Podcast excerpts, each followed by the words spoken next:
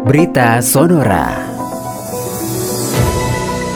Segede Marena untuk berita Sonora, warga Intaran Surati Gubernur Bali minta data lokasi pembangunan LNG. Warga desa dari Intaran Sanur kembali menyurati Gubernur Bali WN Koster terkait data lokasi sesungguhnya pembangunan terminal LNG atau liquefied natural gas di Denpasar.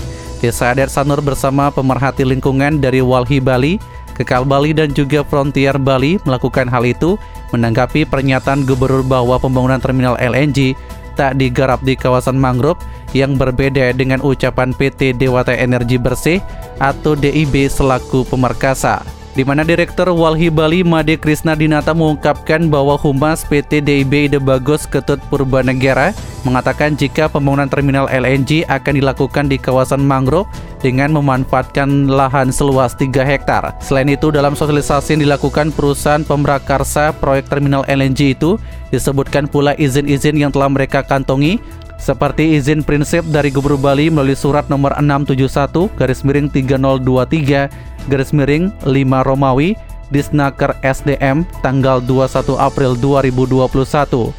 Bahkan ada juga surat dukungan Gubernur Bali nomor B23671 1390 garis miring 5 Romawi garis miring Disnaker ISDM tanggal 22 Februari 2022 perihal dukungan percepatan pembangunan terminal LNG Sidekarya sebagai fasilitas pendukung infrastruktur ketenaga listrikan Provinsi Bali. Selain mengantongi izin, PT Dewata Energi Bersih juga memiliki persetujuan kerjasama strategis penggunaan lahan Tahura yang telah diterbitkan melalui surat Dirjen KSDAE nomor S372 garis miring KSDAE garis miring RKK garis miring KSA garis miring 0 garis miring 3 2022 persetujuan kesesuaian kegiatan pemanfaatan ruang darat yang telah diterbitkan melalui OSS dengan nomor 0404221021517163. Mereka juga memiliki persetujuan kesesuaian kegiatan pemanfaatan ruang laut